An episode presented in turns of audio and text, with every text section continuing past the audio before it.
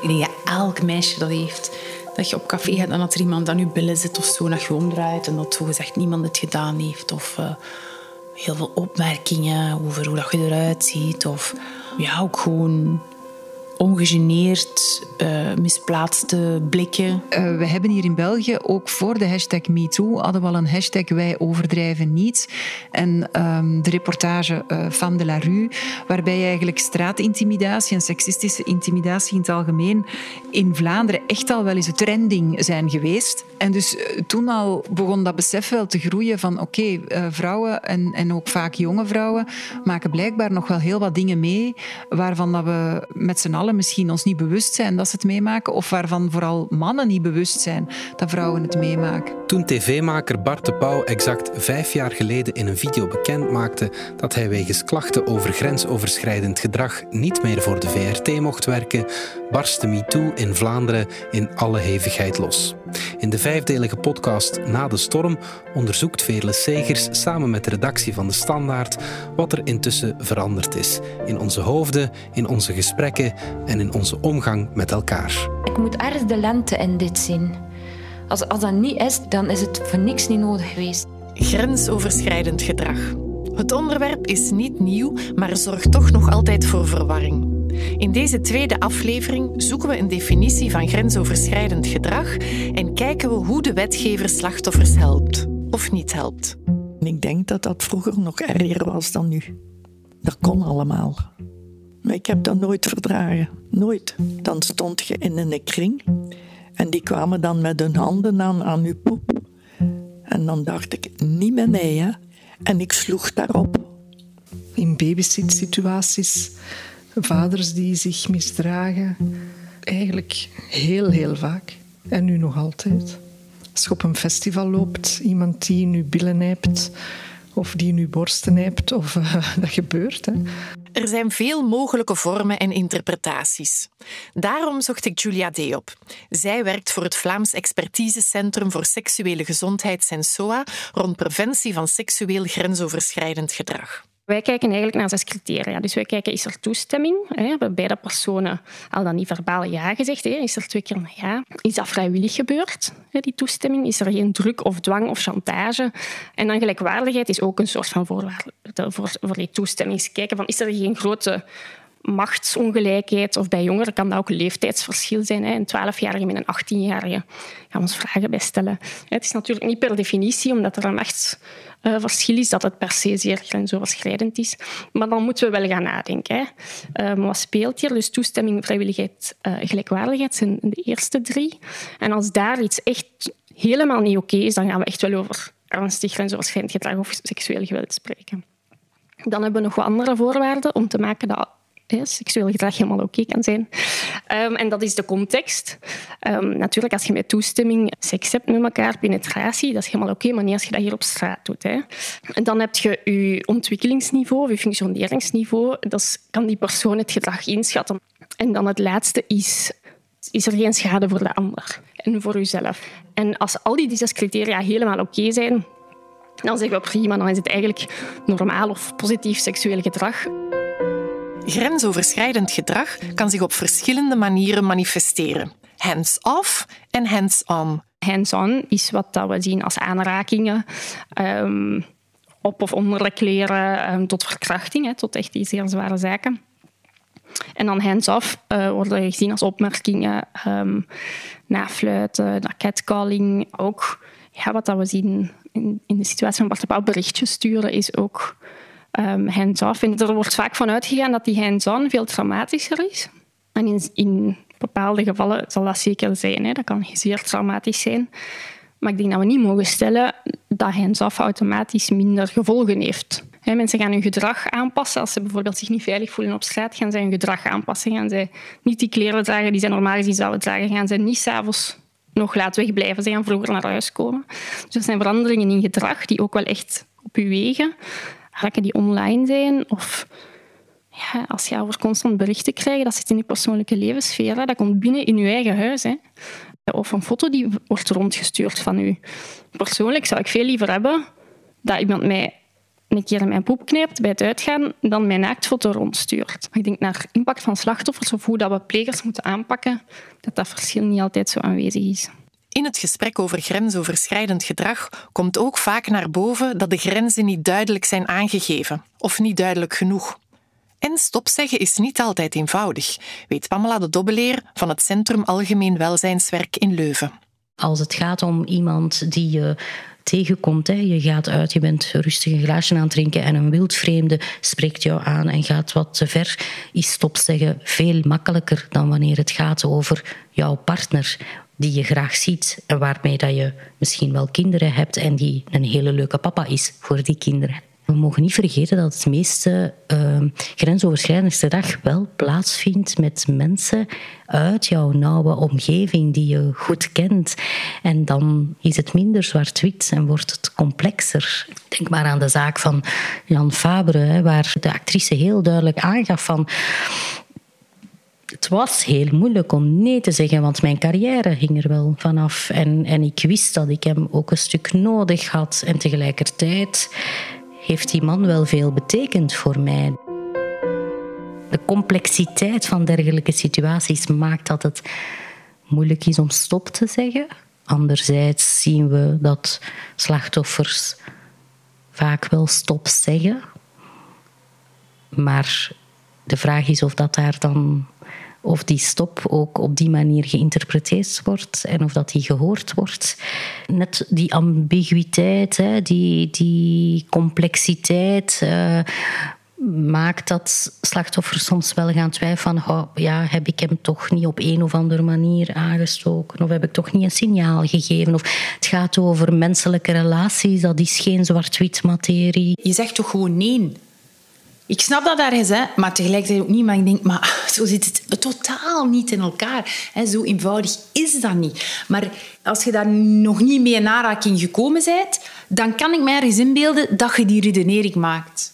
Dat je denkt van, allee, ik zou gewoon nee zeggen. Ze. Ha, niet met mij. Ze. Ik snap dat ergens. Zo zit het niet in één. Maar ik begrijp het wel. En het is die gedachtegang bij de ander en die blik bij de ander die inderdaad ook die schaamte genereert bij jezelf. Ja, ik, ik, ik schaamde mij dat ik, eh, niet, dat ik zo dom geweest was om, daar, om daarin te trappen. Terwijl ik nu denk van ja, maar dat heeft niets te maken met, met slim of dom of jong of oud. Of, dat, dat staat er helemaal los van. De impact van grensoverschrijdend gedrag is groot. Zelfs als het er niet is, passen we ons gedrag aan. Dit ondervond Julia D. van Sensoa. Eh, voor opnames van eh, een VTM-programma, ze zeggen dat, kregen wij een klikkertje. En um, was het de bedoeling dat we zouden klikken telkens als we ons onveilig voelden. Um, en dan vooral op straat in die situatie, dat onderzoek. Maar ook als we ons gedrag aanpasten op basis van potentiële veiligheidsinschatting of risico's. En ik dacht eigenlijk dat ik niet zoveel bang was. Of ik, ik heb ook het gevoel dat ik eigenlijk heel veel chance heb. Dat ik nog weinig heb meegemaakt. In de zin van, ik, ik heb zeker dingen meegemaakt heel veel vrouwen hebben meegemaakt. De poep geknepen, opmerkingen krijgen. Maar zo mij onveilig voelen als het gaat over ik durf niet op straat wandelen. Bijvoorbeeld, dat gevoel heb ik niet. Uh, maar ik merkte toch hoe hard ik mijn gedrag aanpaste. Dus dat je bijvoorbeeld denkt, ah, ik ga geen hakken aandoen, want ik ga te voet naar huis en dan kan ik niet lopen als er iets is. Um, of het is maar vijf minuten wandelen, maar ik ga dan toch de fiets pakken, want dan voel ik mij wat veiliger. Dus hoe snel dat je toch je gedrag aanpast, en ook al ben ik nog nooit verkracht op straat, ja, toch zijn die onveiligheidsgevoelens even reëel. Hè? Als ik daardoor mijn gedrag ga aanpassen of minder laat ga uitgaan, terwijl ik eigenlijk wel nog langer wil uitgaan, zou niet mogen natuurlijk. Maar hoe groot is het probleem van grensoverschrijdend gedrag? Is daar onderzoek over? Als we kijken in Vlaanderen zijn er twee grote onderzoeken waar ik altijd naar verwijs. Uh, je hebt het Sexpert-onderzoek, dat in 2013 eh, is uitgekomen. Dus ook voor MeToo. En daar zien we cijfers van 16 procent die het heeft meegemaakt voor de leeftijd van 18. En dan een 8 procent, dus de helft die het als volwassene heeft meegemaakt. Dus dan eigenlijk vrij lage cijfers. Als we het vergelijken met sommige andere onderzoeken. En dan hebben we nu recent een minimize. En ze hebben eigenlijk een ruimere definitie gebruikt dan bijvoorbeeld Sexpert. En ze hebben gezegd alle seksuele handelingen tegen de wil van een persoon of waar die persoon niet mee akkoord was.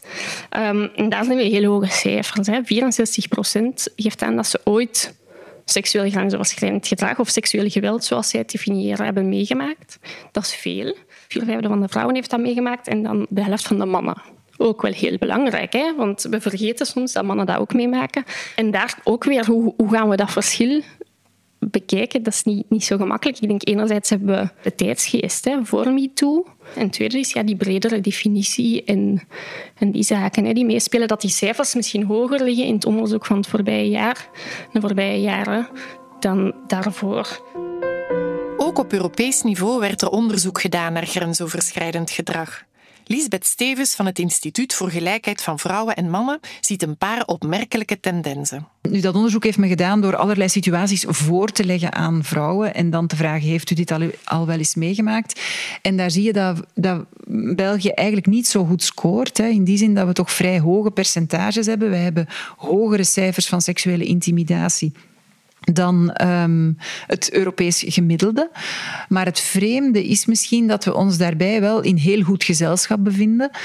Um, het is namelijk zo dat de hoogste cijfers van seksuele intimidatie naar voren komen bij de Scandinavische landen. Dus de landen die meestal op vlak van gendergelijkheid de beste resultaten kunnen voorleggen, die scoren ook zeer hoog voor wat betreft seksuele intimidatie in het algemeen.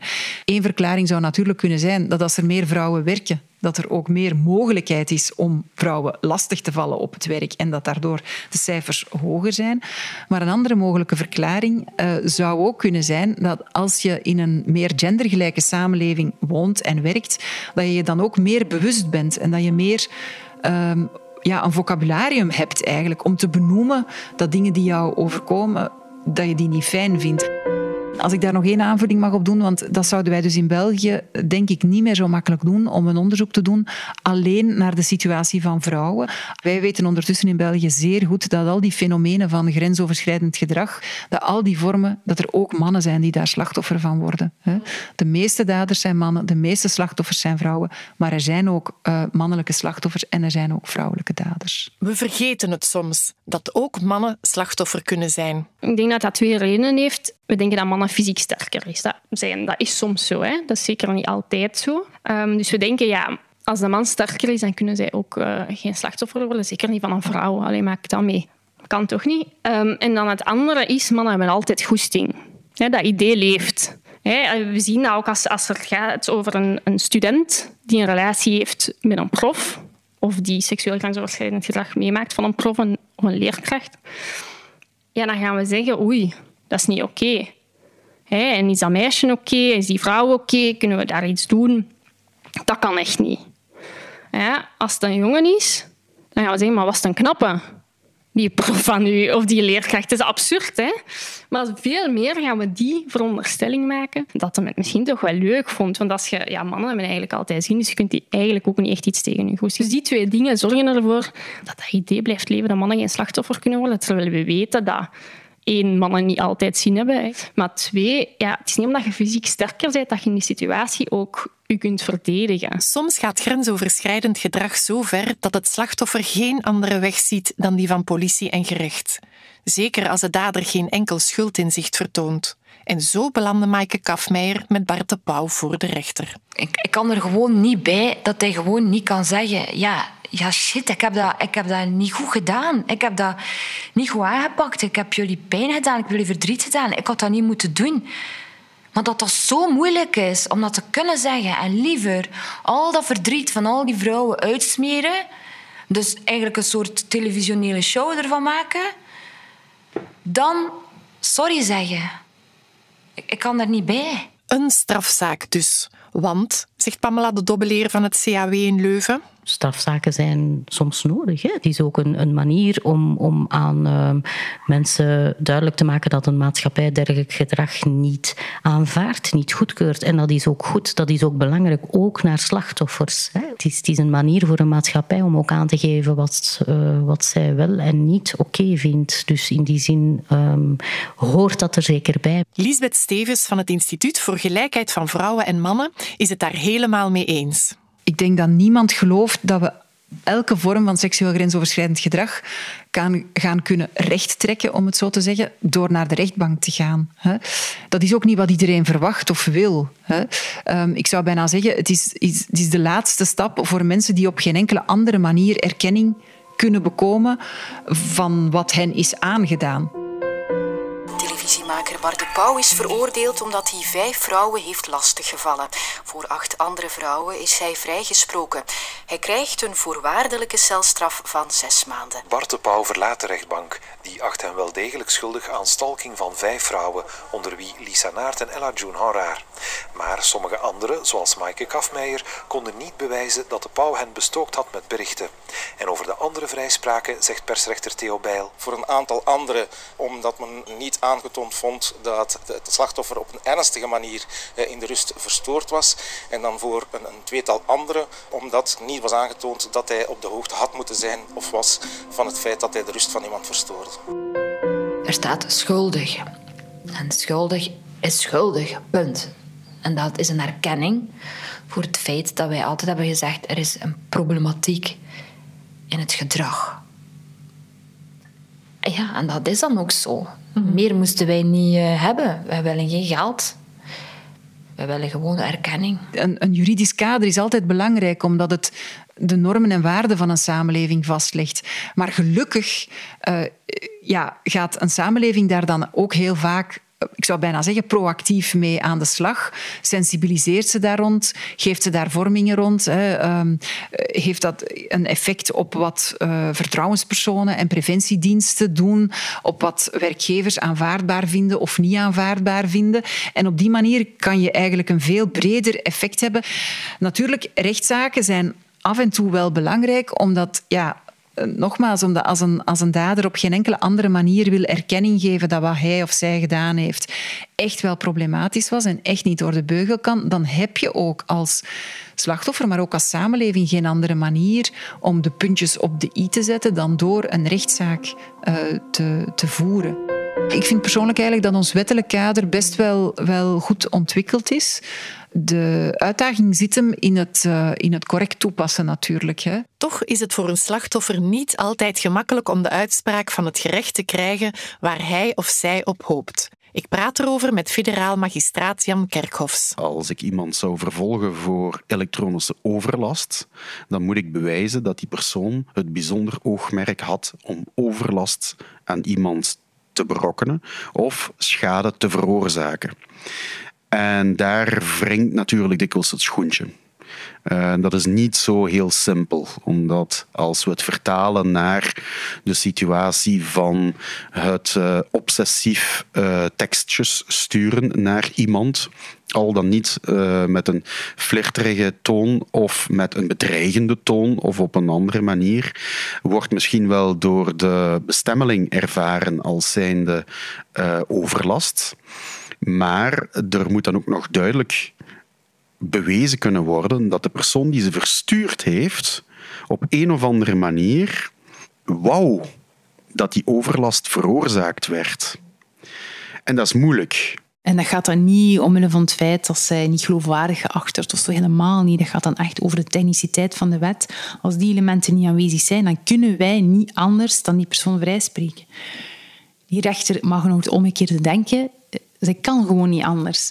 Ik denk dat, het, dat de redenering achter was van hij had, hij had het niet kunnen weten dat het voor haar storend was. Wat voor ons heel, heel, heel bizar is, want zij heeft op alle mogelijke manieren hem heel beleefd en elegant afgescheept. En je kunt dat ook allemaal perfect lezen. Dus dat is, dat is, wel, dat is zeker wel gebeurd. Maar volgens de interpretatie van de rechtbank dan misschien niet, uh, niet duidelijk genoeg, of ik weet het niet. Magistraat Jan Kerkhofs. Eigenlijk kan je als dader vergenoegen met te zeggen: ja, maar ik wou die tekstjes wel sturen, maar ik wou zeker geen overlast veroorzaken. De perceptie van het slachtoffer daaromtrent is niet altijd doorslaggevend om de schuld van de dader daaruit af te leiden. En dat is wel een hele moeilijke oefening die door rechters vaak moet worden gedaan. De wetgever heeft als opdracht om, het, ehm, om, om de misdrijven zo precies mogelijk te omschrijven.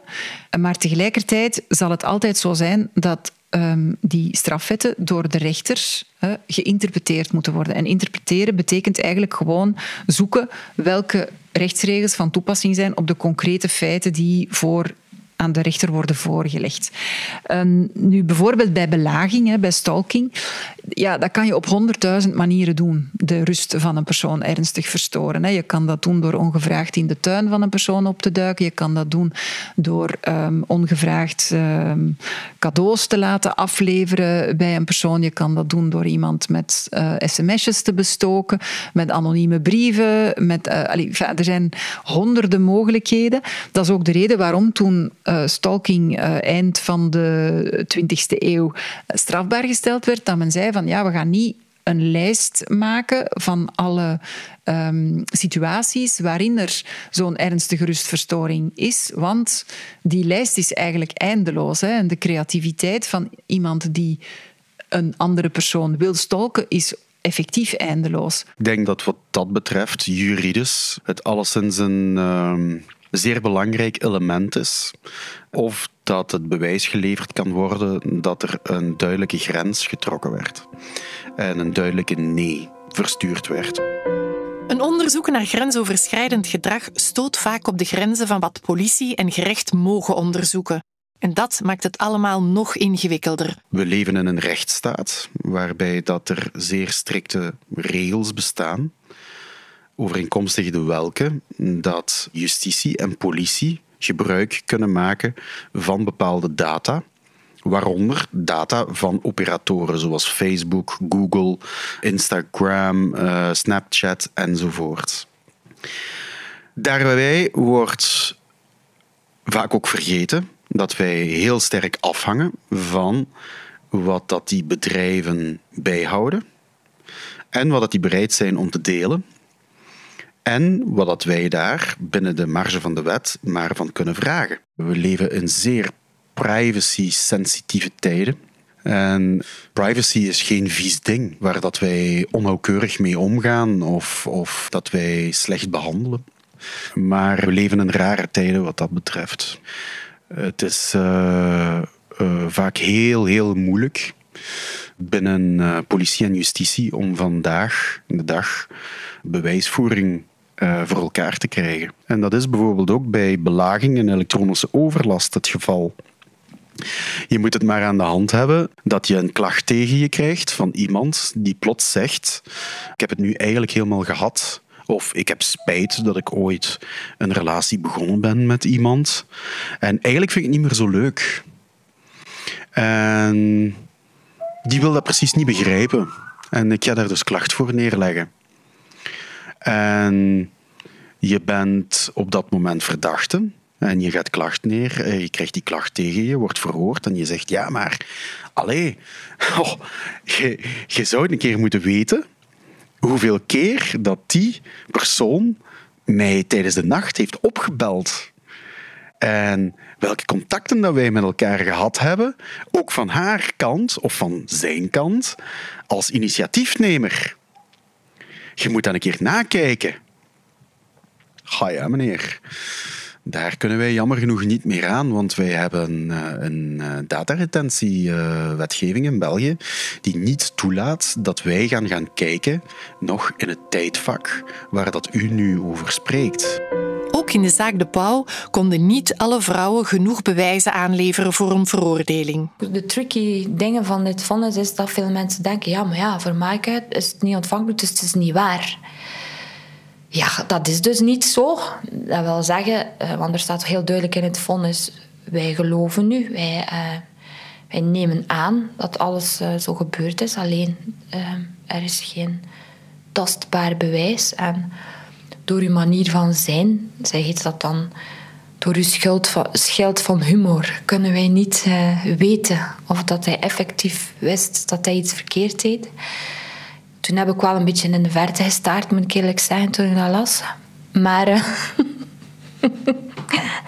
dan dacht ik wel, er is nog wat werk uh, aan de mazenwinkel van het van het gerecht, de, de, de grijze zone. Mm. Zoals dat dan Maar eh, dat is oké okay voor mij, want dat is ook zo. Er is nog veel werk aan de winkel, maar het is een begin. Magistraat Jan Kerkhofs vult aan. Ik spreek niet alleen over eh, de positie van de dader, ik spreek ook over de positie van het slachtoffer. Dat het slachtoffer ook met die bewijslast kan kampen, omdat een persoon pas de moed bijeenraapt of kan bijeenrapen of psychologisch iets moet overwinnen, alvorens dat hij naar het gerecht kan trekken. Maar het kan zijn dat dat te laat is. Hè? Dat is maximaal twaalf maanden. Dat is bitter kort. Dat is bitter kort. Want u kan, als u in een misdrijfstraatje meegezogen wordt, vooraleer dat u zichzelf realiseert wat er gaande is, of dat het te veel wordt, of dat u aan de alarmbel trekt, kan er best wel wel wat tijd voorbij zijn waar dat u, waar dat u niets meer over te bewijzen gaat hebben. Hè. Het feit dat ons dataverkeer via internationale spelers verloopt, bemoeilijkt het juridisch onderzoek. Als je aan iemand zegt, meneer, jij wilt Chinees speelgoed invoeren, ja, vooraleer dat dat hier de Europese Unie binnenkomt, dan gaat jij toch wel moeten kunnen aantonen dat dat Chinees speelgoed niet geverfd is met loodhoudende verf, zodat kindjes die dat in hun mondje steken niet gaan doodvallen of rare afwijkingen gaan krijgen. Dan gaan er daar bepaalde veiligheidsvoorschriften en Europese normering aan gekoppeld moeten worden. En iedereen vindt dat normaal. En als dat internetdiensten zijn, dan vindt niemand dat normaal en ligt niemand daarvan wakker. Just the same. TikTok. Er ligt niemand van wakker. Het feit dat Telegram gebruikt wordt door een arsenaal terroristen en criminelen, daar ligt niemand van wakker. Want dat gebeurt ook allemaal onder het paraplu van privacy. End-to-end encryption, protected communication. En dat is een goed ding. Encryptie is fantastisch. Dat maakt dat u, als u homebanking doet, dat uw bankgegevens veilig zijn. Uh, of dat uh, als je WhatsAppt, dat uw communicatie heel veilig is. Uh, althans, voor politie en justitie. Hoe dat, dat verwerkt wordt door Meta, ik heb er geen idee van. Het vraagstuk rond privacy maakt het moeilijk voor politie en gerecht om bewijzen te vinden. Maar Lisbeth Stevens wijst ook graag nog op de mogelijkheden die de digitale wereld biedt. Bewijsvoering is een uitdaging bij heel veel gevallen van seksueel grensoverschrijdend gedrag. Dat, kennen we, dat weten we al heel lang als het over verkrachting en aantasting van de seksuele integriteit gaat. Maar ook bij andere vormen van seksueel grensoverschrijdend gedrag is dat vaak een probleem. Daar zou je kunnen zeggen dat daar een verandering in is uit onverwachte hoek. Namelijk omdat we tegenwoordig zoveel digitale communicatie hebben, die wel blijft en beschikbaar is. Waardoor dat je heel vaak wel heel wat dingen kan bewijzen. Mensen denken ook vaak dat het alleen maar gaat over de bewijzen van conversaties bijvoorbeeld tussen de dader en het slachtoffer. Maar vaak hebben mensen die het slachtoffer worden of doelwit worden van dat soort gedrag ook aan hun familie of vrienden laten weten van zeg wat ik hier nu meemaak, dat is hier toch niet normaal of dit is ik slaap niet meer of uh, ik moet uh, hier actie ondernemen want dit is niet houdbaar of ik ga ontslag nemen hou het bij. En dat is eigenlijk dat is ook een tip die we al heel lang geven aan, aan uh, slachtoffers van belaging. Hè? Want als je, als je dat meemaakt, dan is de heel normale reflex is eigenlijk dat je dat probeert om die situatie weg te duwen. Hè? Dat je daar thuis niet wil aan denken, dat je daar eigenlijk liefst zo weinig mogelijk wil aan denken. Dus dat je als je bijvoorbeeld een brief krijgt van, van je stalker of dat je sms'en of mails krijgt, dat je die delete, dat je die um, al, dat allemaal, uh, of dat je de, de zender blokkeert. Uh, wat wij mensen inderdaad aanraden is neem screenshots, hou dat allemaal bij. Um, want stop dat ergens in een digitaal mapje, zodat je er niet altijd moet naar kijken. Hè. Het is zeker geen, geen uh, tip om dat regelmatig te bestuderen, want dat kan echt wel heel kwetsend zijn voor mensen. Maar hou het wel bij, want het zijn wel hele goede bewijsmiddelen. Ja, Als je gevoel zegt, er klopt hier iets niet, dat je daar mocht naar luisteren. Dat je daar liefst moet naar luisteren. Dat je dat niet moet minimaliseren voor jezelf. Dat je dat echt serieus mocht nemen en, en, uh, en daarover praten tegen iemand, wie dan ook. Dat moet er ook niet meteen een instantie zijn of een gezaghebbend persoon, maar dat is het enige dat helpt, is om dat luidop uit te spreken. De enige manier om dat soort gedrag te stoppen is om het aan het licht te brengen. Want het gedijt in, in donker en dat is wat dat eruit moet. Dus dat is echt super belangrijk. Dit was de tweede aflevering van Na de Storm, een co-productie van De Standaard en het productiehuis De Hofleveranciers. In de volgende aflevering focussen we op grensoverschrijdend gedrag op het werk, maar ook hoe liefde op het werk wel een mooi verhaal kan zijn. Veerle Segers maakte deze podcast in samenwerking met de redactie van De Standaard. De muziek is van Bart Ketelaren en sound engineer was Reinhoud Maas voor Option Media.